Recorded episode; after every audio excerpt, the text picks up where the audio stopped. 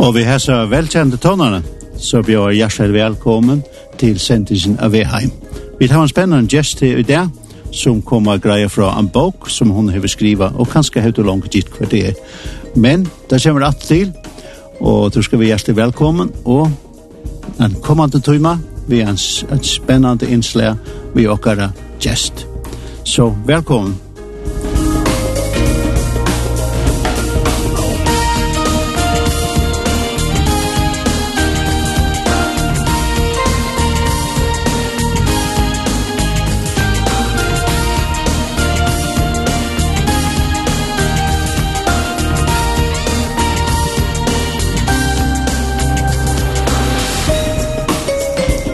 Men sjálvande ønsken sending, ønsken er vi heim, under er sindra tonleik. Og uh, nu har vi faktisk, uh, finnes det såleisne, at Jessen Tjokken har valgt den neste leie, og det er ferdig vi det spela, og det er uh, Bølten Salt, som uh, har et uh, fantastisk leie her, som uh, um, jeg har nevnt å ønsken her, far behind highest heavens, så det er ferdig det spela. Musikk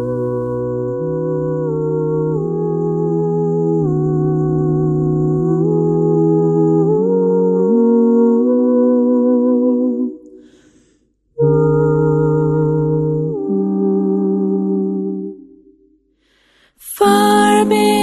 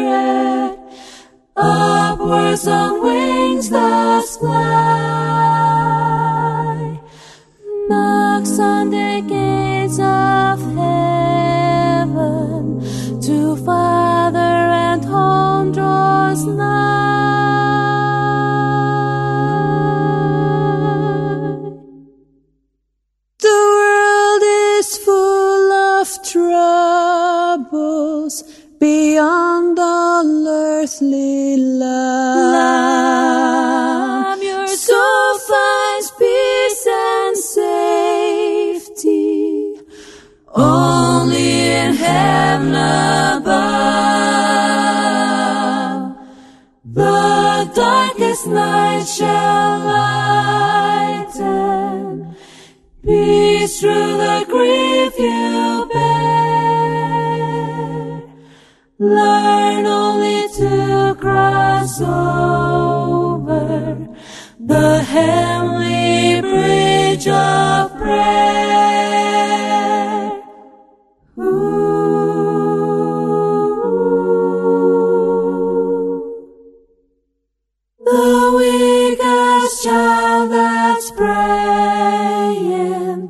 forever live secure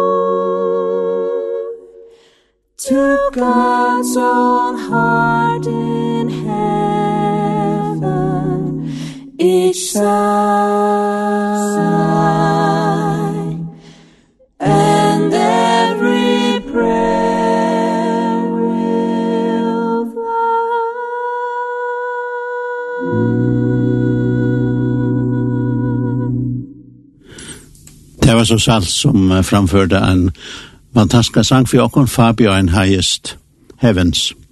Och nu får vi uh, presentera Jessen Jakob. Välkommen Margit. Tack. Båtsaker. Jep. Eh, Uh, tack för att komma och i stående här. Och uh, i ulenterna så att uh, Lorsan kan uh, lära dig känna.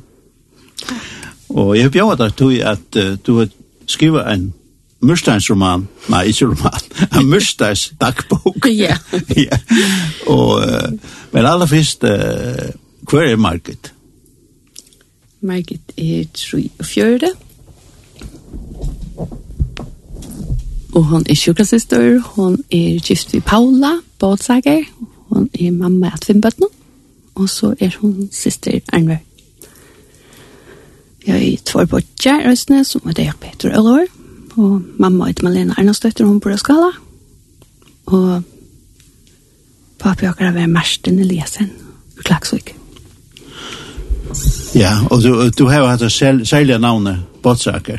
Mm -hmm. Ja, og hvordan ble det til? Jeg fører nye å lese, og så bor jeg kolleger videre. Og vi var jo tølv som bor i Gåndsnem som er bor, og vi tatt og felagskøk.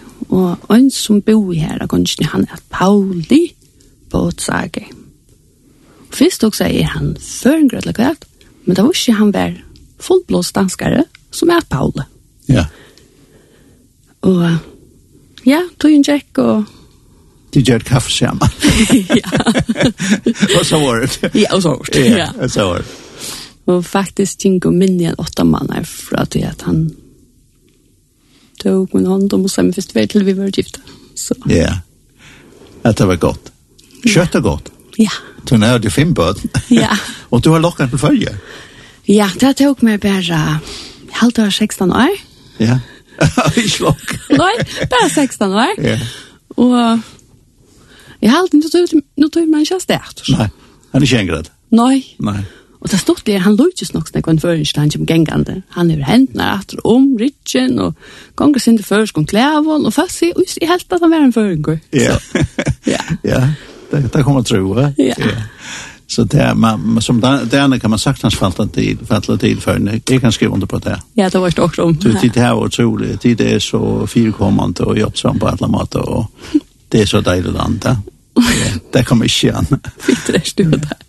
Nei, jeg mener det virkelig. Ja. ja.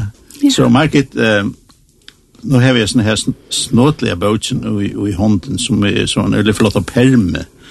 Og han er den gode syster. Mm. Uh, Hva har vi stedet i permene? Edith Mørskure. Hun, eh, hun var faktisk han som eh, pinta i det Brittleipe. til Emre Roa, da de ble gift. Og mamma og mamma hennara. Jeg med her var hjertevenninter. Og så ta og jeg skulle utgjøre så bøysene, så spurte jeg Edith om hun tom til å gjøre en forsøk. Og hun sier på en av ja. Så hun kjørst til seg ordentlig, ordentlig døylig. ja. kapamyndene som døyter. Ja. Ja, her er, um, det er så tre som ser, man ser røttene, og så ser man greinene, og, og eisen uh, små bløde og sånt. Ja. Og så sind det uh, meter i så, der, så Så jeg husker, nå, han er løsens tre. ja. Det er beina en vind, så at, ja.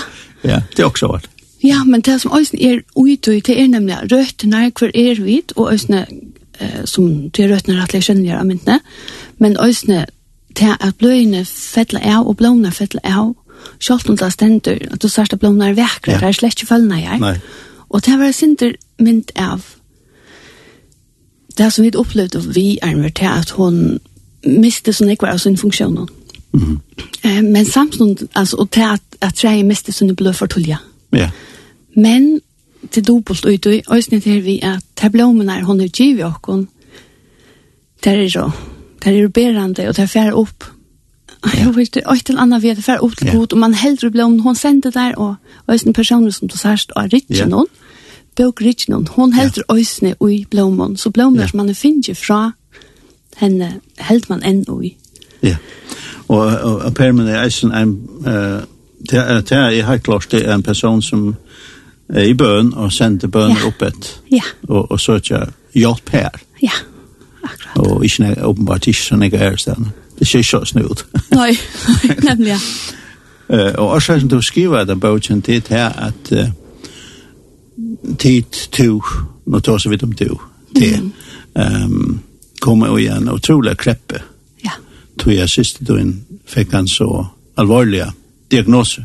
Ja. Og en krappa mig i, i Heiland. Ja. Og så får du bare, hvordan bare tid du helt hos bygge på å skrive en, en bok. Nei, du, ja. du blir skriva en bok. Du blir faktisk skrive en, en dagbok. Ja. ja. Det är oktober 2015. Ta bo i Arnver og med henne er Roe og tar fyra bøtt. det bo i Og hun var i gang ved å lese P.O.D.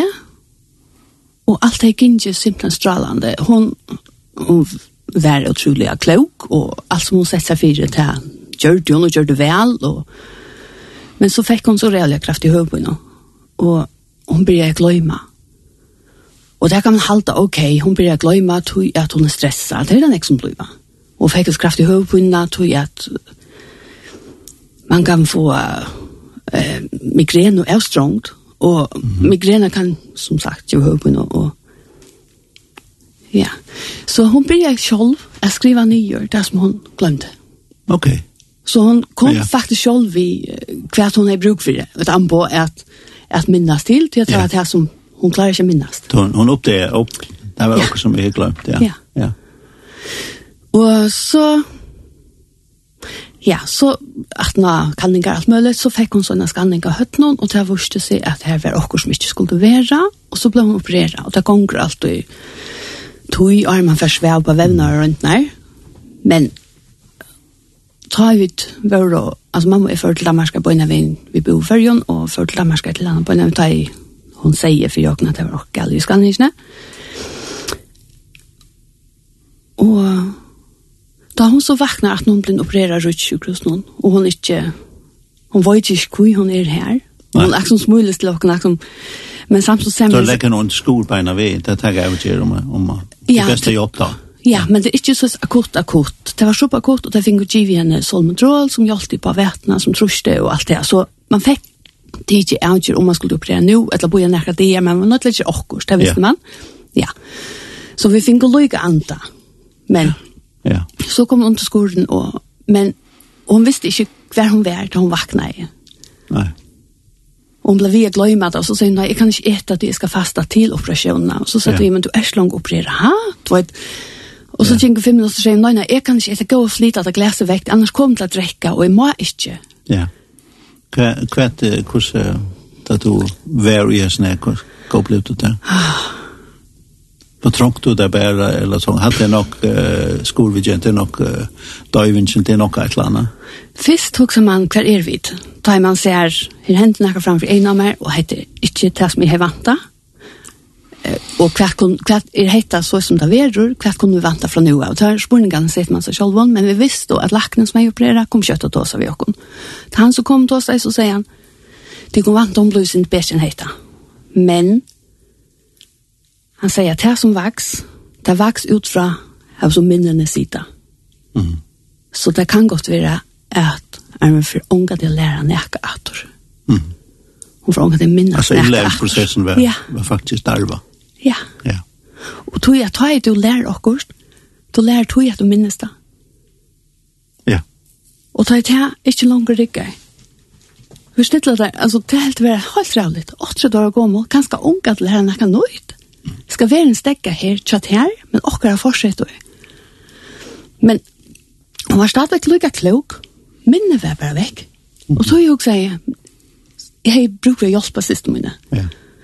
Og du husker, det som jeg får givet deg på nå, er at jeg kan spille ut memory. Jeg kan være til en gjør jeg kan skrive nye, hva akkurat det har hent, og hva planen morgen, det var lykke kjøtt vittlene opp. Ja. Jeg synes som så fløren i sjønløyde. Ja. Det skal du si nå, det skal hende nå då hon får bli frusk? Ja. Så skulle hon switcha datorn. Ja, det var sikkert. Det var plan. Ja, jo, i vattnet. Du, du har samfört dem. Ja. ja. Du har inte tog sig försittla med världen åt henne. Nej. Så sjå han det, för hon har blivit frisk. Ja, men det var ut och ut att börja att skriva till henne. Hette det som är hänt, så hon skulle vara uppdatera. Och så blev vi att skriva till att hon, hon blev vi att ha ja. utfordringar vid minnen. Ja. Um, till Frank Enga Bautsen att det är så ölna knut. Ja. Uh, og løsbyen til tikkun var ikke så latt. Um, det var nemlig utfordringer og, og, til det fyra kyrkjen. Mm Og uh, til det er en arbeidse som var ekle sjuker, eller hever arbeidse som var ekle sjuker, ja. uh, som tør var nekke hjelp og så vi er. Mm uh, og uh, de, uh, mamma tog en valgte skiljas, stendig bøtjen eisen. Mm -hmm. ja. Så det, det knyttet det kunne utrolig tatt sammen, ja. alle disse hendingene. Men det stod til å si at jeg følte ikke at det var tungt. Tror jeg at, altså, her var later i høymen, her var glede, og her var alt mye godt. Og også ta mamma så valgte jeg å si, jeg var ikke hun sier, jeg er ikke pappa døgn, men jeg så ikke på ikke, eller på ikke tikkere, hun sier det vi åknet, han er tjukker. Og jeg får alltid elske pappa tikkere, men jeg kan ikke leve sammen med henne, så lønner han hever dette misbruket, det han drakk. Ja. Hon säger, och hvis han klarer ikke vast, så vill jag inte heldre enn å bygge sammen med natt. Men inntil ta, så vil jeg nødt til å flytte fra noen, tog att at så ikke jeg bare sjukker, og fire jeg tørre undan, och vi ska ha det gott. Ja. Men det gjør det ikke riktig satt sammen og tok ja. oppbyrt, uh, hatt å fikse er mamma og så videre. Ja, det passar. Ja. ja. ja. Så det, Eh, i boten gengar reisen fram at uh, du anver luxon ek av folk hilti det kunne til tog bore. Ja. Og de gjør det gjølde på sjore som er kvørst. Ja. ja, tui at vi var det ofte ønsklævon og man kjes jo om det da man gong skola og så er det stolt å finne på akkurat og så skifter vi om, jeg for en klassen kjenner hun for inn i morgen og ja, så vi visste vel hver hver åtte jeg sitter så det var stått litt. Ja. Ja. Sjå var han til jeg. Fletta jeg tog. Og, og nå er det den støven, at den kanskje den enda person som alle er knytt til i løvnen og som hever løsforløp du kjenner kvartetalt, det var det hvordan hun også kjenner alt hva klær, hva klær hun damer og så videre, alt det nå er hun alvorlig sjuk ja um, det ringte takla markedet mm lunge så virkar det som att det kan ikke passe. Dette kan bare ikke passe. Og så som man säger, altså det kan bare ikke passe. Altså man blir vi over ui her. Vakna du om morgonen och säger henne, vad nå? Uh, det, altså, det kan ikke passe det. Ja. Han var ikke sjuk. Er Det var ikke så sjuk. Ja, altså, hun får ble bli fullkomna fruskatter. og jeg visste at god han kan alltid gjøre ont. Ja. Så sjalt om det sa pura vevnest ut. Det vi har också, god kan stadig ikke kommer akkurat. Han kan, da han kan køre reie her og sundur, så det er gjerne henne høyla friskan, det er ikke problem. Nei. Hvis det er det han veler. Ja. Og om han veler det i det, eller om han veler det om tvei år, det lukker mye, det er mirakel å han sier. Ja. Vet, og, og vi vet at togene var ikke sier for han. Så vevnen var alle togene bjørst. När jag täckte upp för det att den där boken, eller, som nu är blivit en bok, det som är mm. dagbåten kjent her, eisen var en, en mat av fasthalta anver. Anver. Ehm ta check. Anver, ursäkta. Ja, ta check Tulja upp for meg. Tror jeg at hun bröttes det Hun var langt bröst armit opp det hun var sjuk. Ta i krabben ble opp det över hötten var han fyra gånger altså lukka stor som en klementin Og han har haft lenge tog om å bli så stor. Ja. Så hon är brått jag någon tog och vi tilltog hon det att det var tog att hon var så stressad vid sån PhD så många gånger jag skriva att det var tog hon var analys. Det folk är analys till dig. Här var ett projekt. Ja. Men uh, an den här djupa kontakten, att djupa samfället som är hej vid henne bröttes då hon blev sjuk. Mm Og synder jeg du, men jeg var du vær stadigvæk. Men bare til at også er brøyt, så er det brøyt. Altså, hvor du, og hun sier, hvor du synder maling, svarsta maling og kvitt uilat, altså kvitt maling, ja. så brøytest literen. Ja. Og samfunnet er hun vær brøyt, men løy brøyter alt du. Fra det du er født til du dørst, du, er, du utvikler det alle tøyene, og Og parst av løgn er at du løyveres disse utviklingene.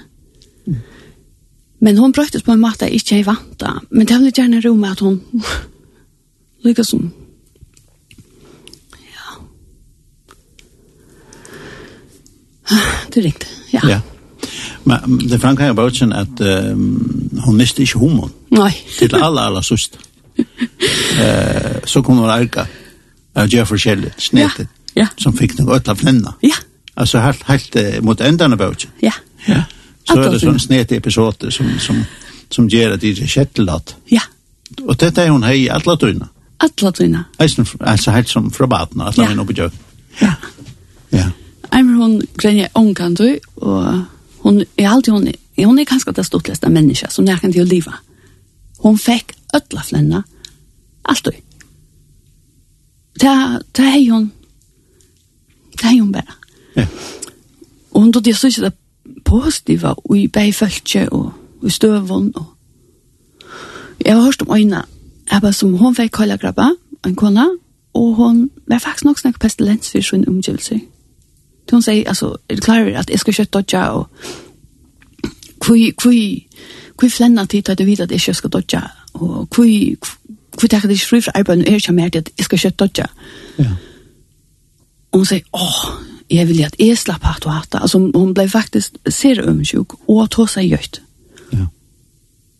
Det enda vi at omkring dem var nødt til å si henne, vi tar vårt av vi skulle leve ved minnen noen om ja. hvordan du er østene nå.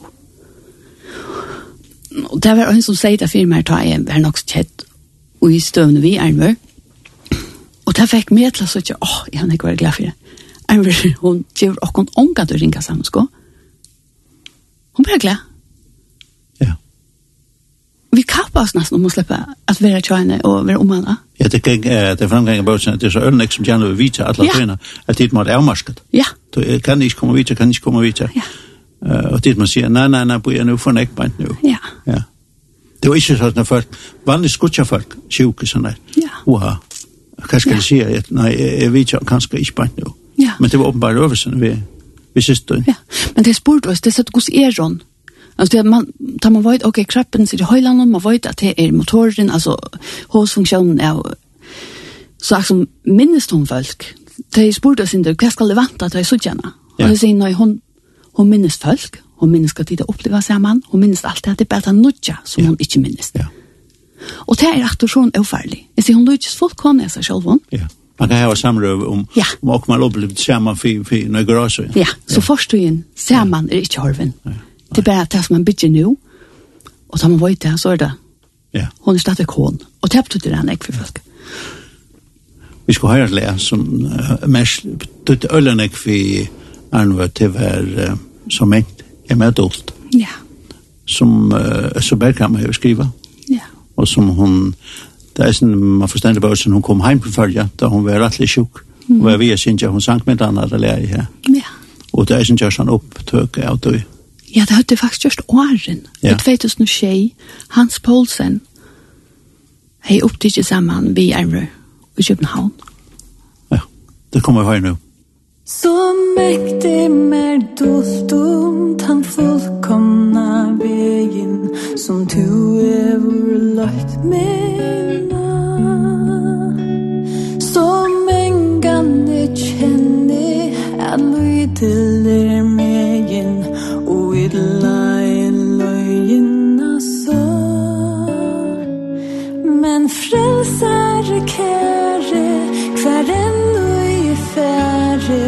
Frat her to if luja kammar Or tut som en gang mer gjordest han bære Og luste mer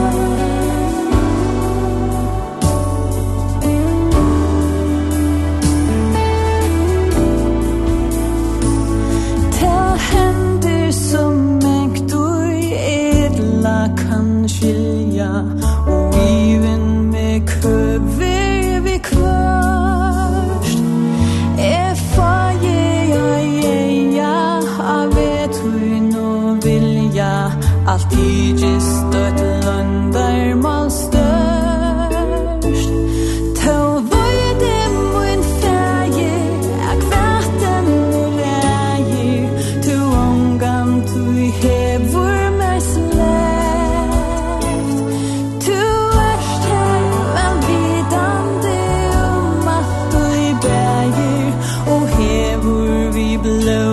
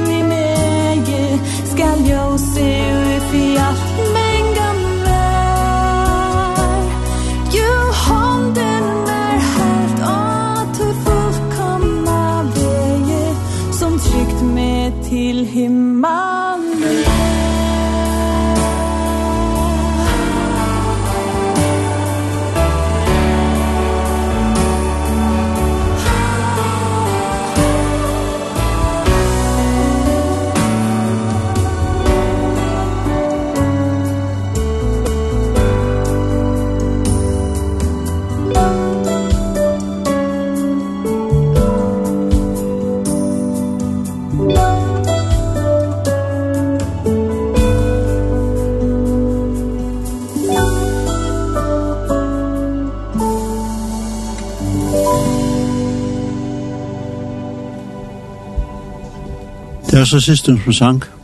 Hvordan var det? Og hører den nå? Du hører den så ofte, så det er sånn det er snett i du, men ekstremt godt Ja. Helt fantastisk. Ja. Ja. Ja, det er det så eisen to godt Takk. Ja. men ikke når namen det hender. Nei, og bare klaver. Ja. Og hun arrangerer i en ekfyrsalt. Ja. Hun er, ja, hun er liksom kåla, er det? Ja. Ok, ja spurte Bård uh, Alesne. Så ja, hun var akkurat som høylen at han ville høyla seg. Og det var hun? Ja. Kom vi hos gåten og...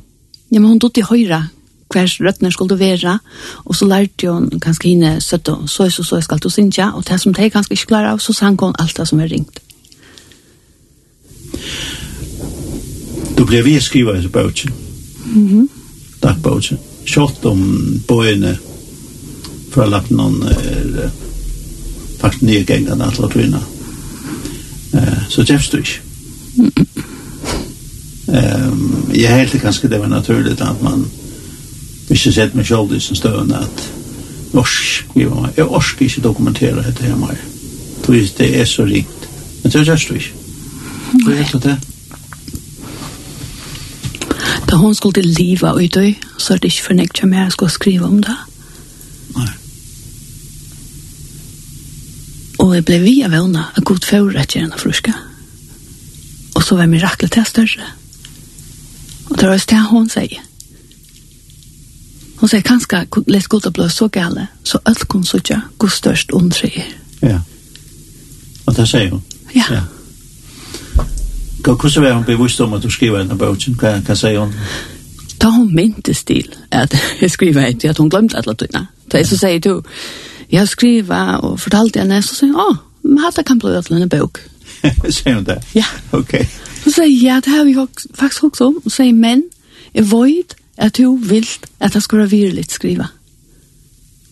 Så jag skriver alla tina virligt. Mm. Det er inte några utlevering av folk på näkans mens måte. Det er røyt. Det er det som hendte. Og jeg elsker i råsösne. Og Det sier ikke for henne ta, men det er alle tøyene. Og hun hukte et, et etter gåa, så bøkken er full av vøvn. Ja. Og latre og opplevingen. Det man også, ok, Gus skriv om en sjuk och alltså gus festlig kan det här vara. Men mm. man kan gott sitta och kättel då tror jag. Men man läser spörsna. Ja. Eh alltså när mot ändan så vill jag säga att ta ta läser boken så um, det är så väl skriva och så ärligt att eh, jag följer nästan det är här. De tog och mamma tog in leja henne i kammare och kostade dit man och reda för jag får henne gänka och eh, otroligt uttalt eh, blödigt vi. Men det är så det var en beskriva och ärligt utan att man följer og man føler ikke å nøyest. Nej. Så slett det gjør man ikke. Nej. Men, men eh,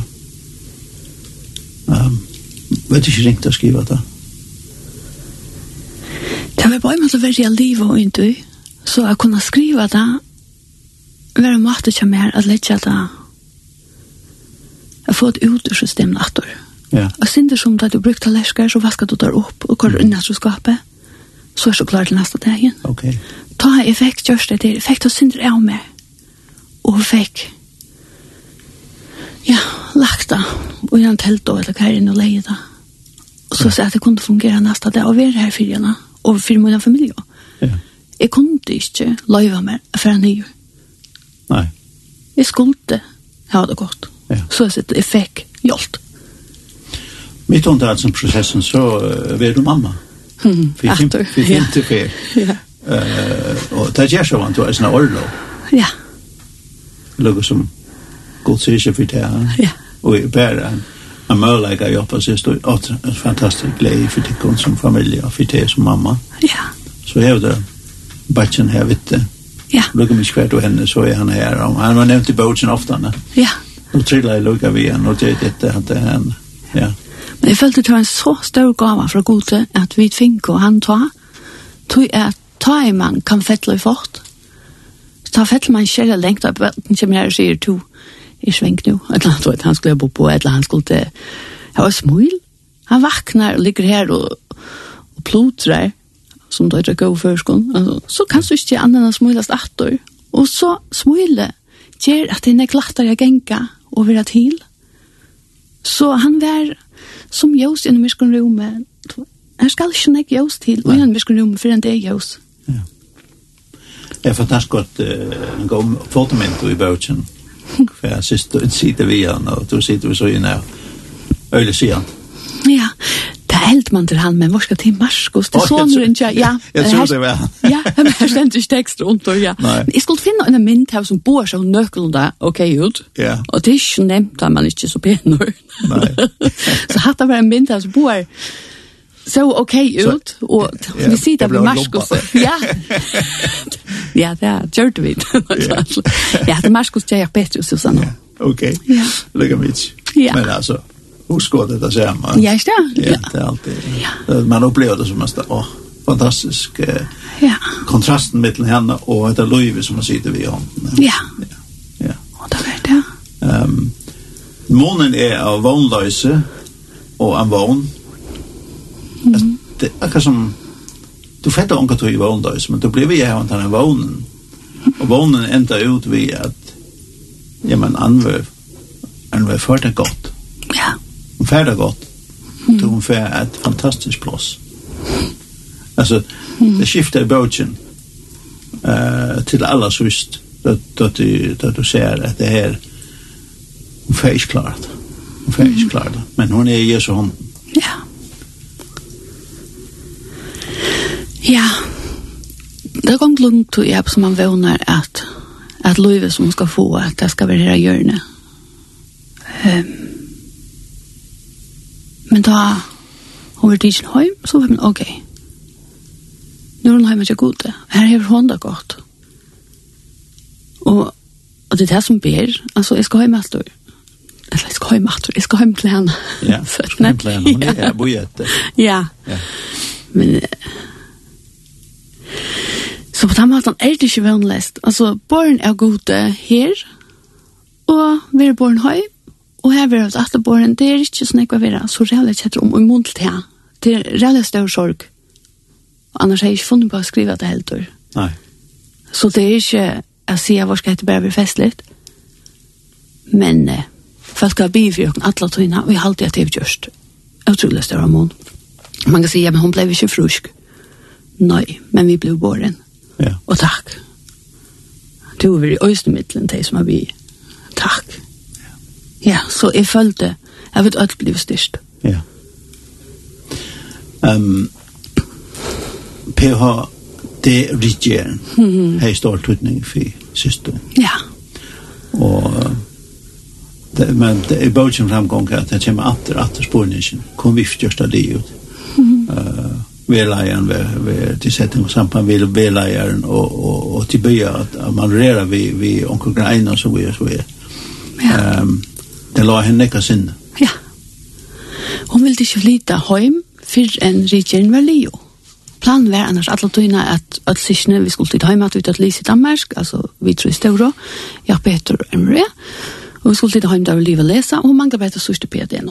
Og hun, hun sette seg mal, og så så han kommer hun av mal, det er det vanlige. Og, og hun sier, ja, men hvis jeg flytter til førre Ørstøy, så blir jeg ganske sliv. Jeg er mer blå liv i dette. Ja. Og så sier ok, hvis jeg skal få mine kære syster og henne familie vi hjem, så er det nødt til å hjelpe henne med å få et det i livet. Ja. Så det er det vi der, Er det mulig? Og så prøver vi, og det vurste seg at jeg gikk ikke, men jeg kan se nå, vi prøver. Ja, det gjør den store øyne. Ja, ja alltså börsen framgang at de bruker øyelig orsk på det. Ja. Og, og kontakta og arbeid vi hade nok lunch. Ja. Jeg var långt två jag ska jeg vet ikke inte lunch. Men det ble vi. Ja. Og det är jeg husker jeg som man huxar som hver det er hun dør fra, da man husker en bøttene. Og da har vi husker, man vil gjerne ha at, og det er så tømt. Men man husker, hei hun så finnes ikke disse utbyggelsene littene som hun får nere få seg. Det er virkelig mer avslått. Man er hod å få enden vi, hvis man kan. Ja. Yeah. Men enden ble simpelthen en annen enn vi tar tog saken. Ja.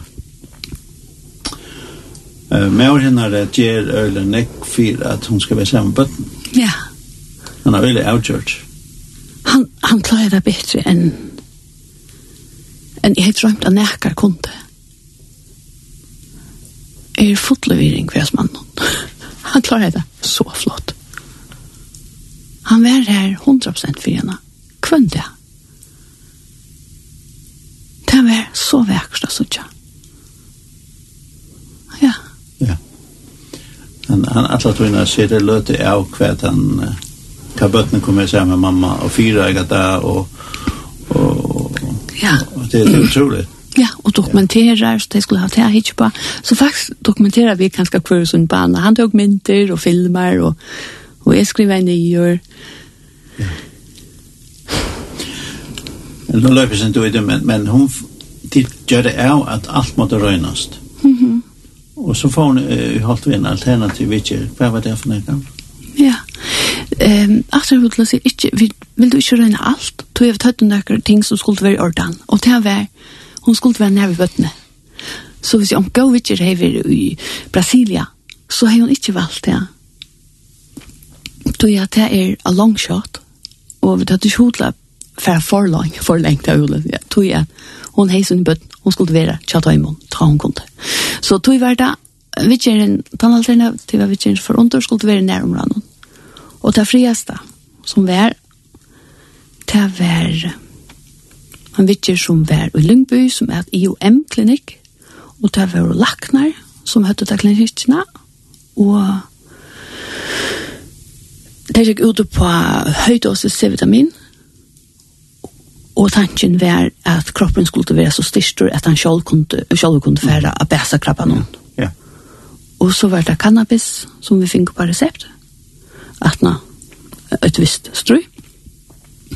Og en, en hoksjon om at krappen lever særlig av sukre, og tog var det minimera mæten som krappen kunne få, og ganske svølte han. Så mamma får ser han i gang til kostatlan, samla vi lakna, hvordan man kunne gjøre det. Og så var det motion, alltså allt styrkande för kroppen. Mm. Så man ja. rör inte. upp. Ja. Alltså. Ja. ja. Mamma kallar det ilta kropp, nej, ilta höjlan. Hon skulle gänga länka turer och te. Och där säger mamma, det var så läckert. Jag får tog samman med dödssynet yeah. som är vuxen och öjböten och läser. Yeah. Men det är att knappt jag får länka turer fram i stråndene. Jag släpper vara samman. Och det är det som vi bara måste leva för. Det är tog innan samman. Mm. Det kan man också få. Ta omkring 20 år man nästan nöjter till att förena parkeringsökning mitt i ödlån. Ehm det, det gav en viss eh hjälp, det vi gör. Och gärna tog Ja. Hon fick det här kvaffall møte og vånen om etter forrett hjelpa til i grøying. Det gjør at det er lettere å bære, og skanningsmyndene var bedre. Og jeg tog hjertet nå, og hun får øsne, hun kom hukommelsesklinikk, og det har hjulpet øsne på minne. Ja. Så øyne tog jeg ikke det, nek bedre. Ja, tenter en vogn. Ja. ja. Var det så hardt at det knappt ble stoppet for innveien? Ja, det er ekstremt hardt. Og øsne tog jeg at jeg kan snakke til å, vi som og alt det, men sannløsene er øsne at jeg var fotløsturen. Jeg husker hva kan jeg vanta meg, og hvordan kan jeg fyrrøyke meg på det som nok vil det neste, og læs hva for vidt kan man, og hvordan kan vanta man, og hva er tjaren av hans medisinen, og då, jeg husker hvordan lenge tog for det her var, jeg rønte å lese med alt jeg vil så gjerne være fyrrøyke. Og da sier jeg for børsen det er vi at vi mennesker kunne halte at hvis vi bare fyrrøyke fyrrøyke oss nå vel, så kunne vi kanskje slippe undan oss som er av innom. Men jeg kallar jeg storanna som er for fyrrøyking. Mm -hmm. Så halt jeg litt og ikke leve av det, det var veldig store. Nei. Og ta, og ta så at du kom kjelig svær, så sa åh, ja, det som jeg var bensje for, kom ja. nå. Og hver vet det nest. Ja. ja. Um, Arnve, vi skal høre et lær nå. Okay. Ja, det er stolt du kallar meg Arnver. Jeg vet meg. Ja. jeg har stått alt mitt løp. Årsø. Jeg vet ikke hvor jeg klikker bare. Ja. ja. Det tog jeg leser her, altså. ja. Men no. kan si øyne at det er folk har ofte sagt, de kom til moen, og her tås av meg, etter det fanns henne, og tås av henne, ja. og vi bor her også, vet jag det var ömsamt att också för är det som snackar om det. Och så blev man det tror jag fett har helt det. Det kommer mycket att helt att jag tror så är nu. Ja, nämligen. Och jag upplever också att man vill ju snacka om det och istället wow. Ja. Så det är vi på vi fuck allt det teach för lära och. Ja. Och nu får jag höra saft att det anser Ja.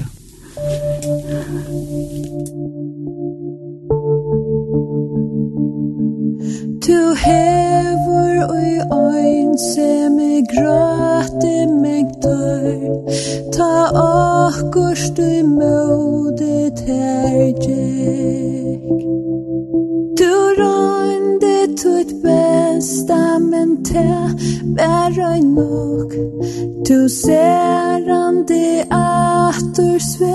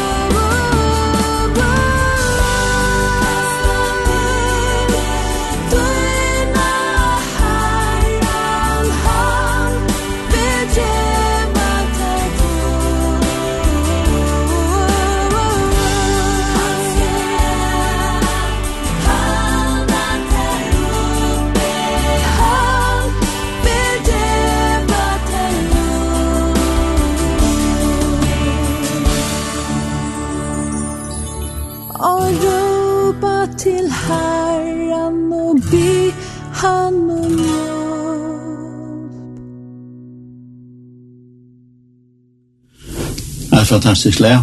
Uh, Margit, uh, hadde lær, det kjente du. Vel og hvile. ja. Mamma kjøpte også noe klaver, så vi tøtte klaver standan i stående. Og Arnver, hon lærte seg 8-2-3 å spille klaver. Og uh, faktisk hei egen klaver, og hun spurte meg, kan du lære meg sintur? Så jeg lærte henne sintur, så 8-2-3, så hun lærte alt. ja, så jeg skriver, igjen, så jeg skriver omkring Sanger, eller ja, noe vers, og hon sett lag til, hun heter Øyna Åkra Sangon. Ja. Så jeg har skrivet årene, og hon er gjort leie, og hon sang det inn, og en av fløv og tjassalt, og fire fløvene tjassalt. Ja. Det er fantastisk. Børken salt er jo uh, utrolig. Han sier det perle. Det kan man godt si. Ja. Um, Sjukene utviklet seg, ble vi mm. kjeftig, altså krabbemeinen. Sjalt om det er en framgång vid det alternativ vi ger så gänger det hin vid natt. Og det enda vi at uh, de flyttar heim, familjen flyttar heim til följer og får en hus ut uh, av Nesångstället. Det flyttar in til svigerfrälsarna. Till svigerfrälsarna, ja. ja. Til som Petter og Anna Torstel, ikke? Og øysen etter man sier, fotla, fotla, fotla, viring. Og det er så døylt at suttja gossen jeg familjan elsker jeg Arnver, og faktisk fendi okken ødel. Det var fantastisk å sutja, men ja, det flott å heima i oktober 2016, og var hjemme, bo hjemme nesten, da hun ble oppgiven, jeg har lagt noen nere. Jeg fikk bo om her var ikke heva å gjøre. Ja. Hvordan er det å høre det? Jeg skriver ved stauron, ja. øyna fyrir børsene, og det er ta. Ja. Da hun ble oppgiven, og ikke flere kontroll, ikke flere blod, ikke. Det var... Jeg tror mamma har en dialog, hvis jeg minns det. At vi sier, det kan ikke passe. Ja. ja. Det er om henger leise i luft. Ja. Og mine tanker var ångt, det er som om at Jeg tjekk ofta og sa skørene veksa. Skøren er en invasiv lomma. Hon vekser og sprøyser bare. Og det samme er grabban, hun tykker ikke ætlig til hva det er hun vekser inn i. Han vekser bare. Og jeg vet, du kan ikke gjøre noe for stegga. Jeg som vokser noen, og i høyla noen kjøs menneskene du elsker, ganske mest i alle verden. Og ånden atler er langere røyne at stegge deg. Det er oppgivet.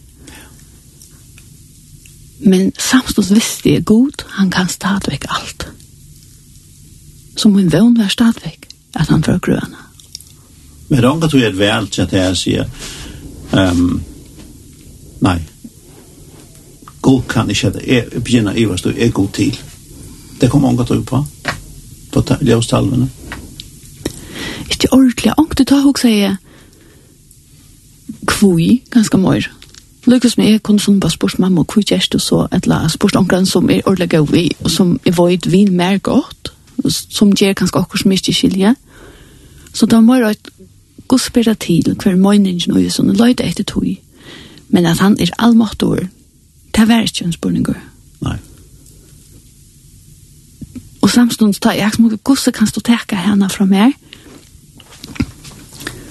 minst øyne fri tjekk rundt om vatten i høyvig, som jeg sier, på en terrass vi byggva. Og så har jeg merkt, Arne, du ble for ytl om det som du har via missa, så geng, og si takk for det som du hever, og Det er hvis du glemmer akkurat av deg, så du mister i morgen. Mm -hmm. Forstidler der til. Ja. Så jeg tjekk og jeg husker God, jeg har takk for at jeg har døgnet min sång, at jeg har kølskap inn tjokken, at jeg har mine fem fantastiske bøtt, min mann, min nærbøtjer, og du vet, ta jeg skulle nevne alt det som er vær, og fætlig takk som for, det, og som er, jeg, jeg har ikke dørt ærene for at øya nekker og sånn. Hette nekker jeg finner ikke. Så jeg kan ikke si at av en god som er gjør med alt. Jeg tror ikke på det. Det var, det var, det var sånn Bartel, han var også kjøtt i huset, og i jøkken til å si takk. Ja. Ja. Det er jeg for å frakke henne. Ja. Ja, det er godt bra. det er alltid. Ja. Det er jeg ble grøy i vår, hva er det Ja. Vi fokuserer ofte på det som vi har missa, eller hava mist, eller hva for det ikke Men det som vi har, det tackar vi ofta för givet. Ja, ja. När, när jag tog det av om att det skulle vara en bok? Mm.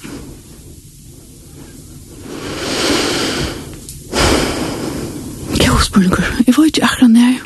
Jeg skriver jo gjerne, tog jeg at jeg var ikke klar til å gjevast, at hos av henne. Så... Ja, du skriver til det søste. Ja, og jeg skriver... Eller alle, alle søste. Ja. Ja og jeg fortsetter faktisk at nå. Ja, det gjør du, ja. Ja, og det har vi ikke uret til, tror jeg at det er ikke relevant for det, men det har blivet mye mat jeg tåser vi igjen på. Ja. Til enda norsk er hun ikke tåsa. Så ta tåsa vi igjen og i bøysene. Og da var det, så fortsetter jeg. Vi har fortalt henne hva det hendte. Mm -hmm. Og da sa jeg først, det er for lengt utmerket. Hon, nu lumpet du selv, hon kommer ikke til å lese etter. ja. Men hei, det var bare så ikke, ok, det var min egen tørre å ta. Men det er att at vi mennesker, jeg vet vel at ånder tyverre har opplevd det samme, ånder er gongvitt det, og ånder kommer nok også opplevd det samme. Og det er vi har også at kanskje ånder kan få godt av at jeg har sett året. Ja. Jeg har også kanskje det kjer at det er sinde minne meningslest, hvis onkel kan få trøst. Ja Og jeg synes jeg takk vi god, for at han er ved av meg. Ja. Det er de som sier, jeg trykker ikke på god, eller god vær ikke her. De skulle nok bli hørt. Ja. Men jeg husker god snakk vær det som har trångt til å skrive, Jeg har noen så fantastiske syster, og kjenne at god er alle veien. God snakk vær det som kunne dokumentere det? God snakk vær det hørt? Så skal jeg bare eh, får jeg prøve. Ja. Og så sendte jeg den til språten, og de sa da, ja, på denne veien. Det var det ikke. Nei. Nei, det sa det med en perle. og mamma har hjelpte meg helt fantastisk av henne. Ja. Og man skriver ikke, og har fem bøten, og folk gjør starv, og alt mulig, og hver hette kjørst, og den er en fantastisk mann. Så, han har hjelpt meg i alle veien. Og da er vi holdt av øl, så sier han, det er Margrethe. det er rett og slett omkring fornuftig enn just nå. Ja, stekka det, nå, nå, nå må det stekkas. Ja. ja. Um, vi skvist et veldig snakk vi, vi enda, men um, da hun kom hjem i oktober måned, eller familien kom hjem, så det kom i februar, så så kjempet de og kjempet, inntil de sanna at uh, nå må hun fære til havnar. Ja, då är vi så tjän, nu kan det gott knappt bli blå kort. Och därför ska det inte virligt affäras det är vi babo fra förra bötnen. Tar man väl vojt etter för ordentligt kött ända. Vi ska inte göra akkurat. Och så också vad kvart är bäst. Vi kunde gott hjälpa den i hemma vad gör det? Hon men som Anna Svermors armar säger att man förbinder det igen hvis det er hjem som onker dør. Mm -hmm. Og det kan være tungt at være her som hun dør. Ja. Og du husker vi, vi færre av sjukhuset. Her som vi kan skal slippe være mor, avværende, og ikke sånn jeg teg som skulle være vidtjerende. Så vi valgte å alla för roa valde. Ja. den att nu var tog inkommen. Ja. Nu ska han färdig. Ja. Och jag hade han valt pura rätt. Ja. Jag hade alla senast uh, Margit uh, i Västsyd och finns en ekva uh, halsan och spårningar så är det bara som kommer ut. Mm. Ja. Nek som väntar sin tøyen?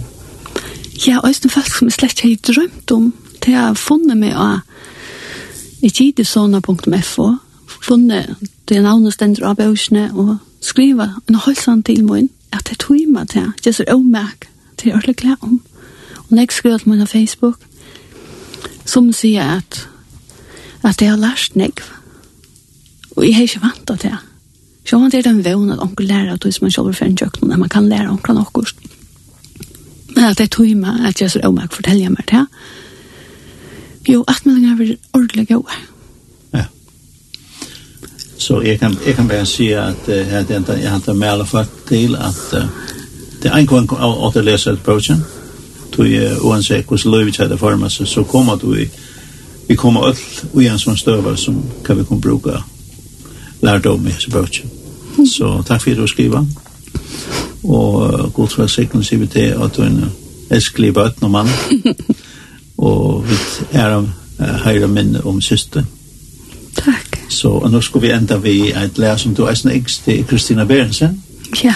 Du valgte henne lærer til sist. Ja. You say. Ja, det tror jeg vi missa öll. Og hun sier det så vackert jag sa inte noen. Hvordan man kan føle at man har mist. Ja. Det er enda vi takk for att du kom.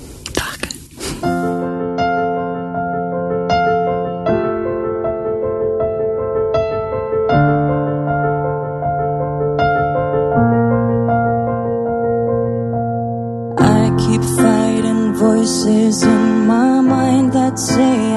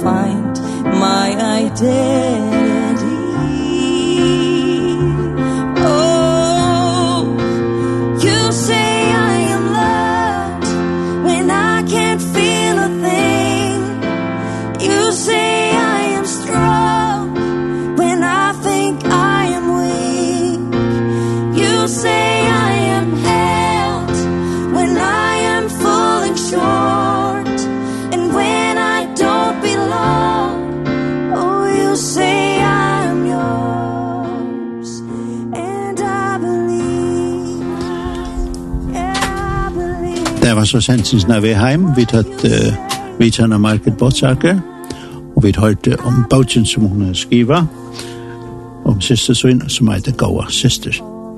Så takk for jokken, og vi er ved her lintene. Jeg er nekk godt.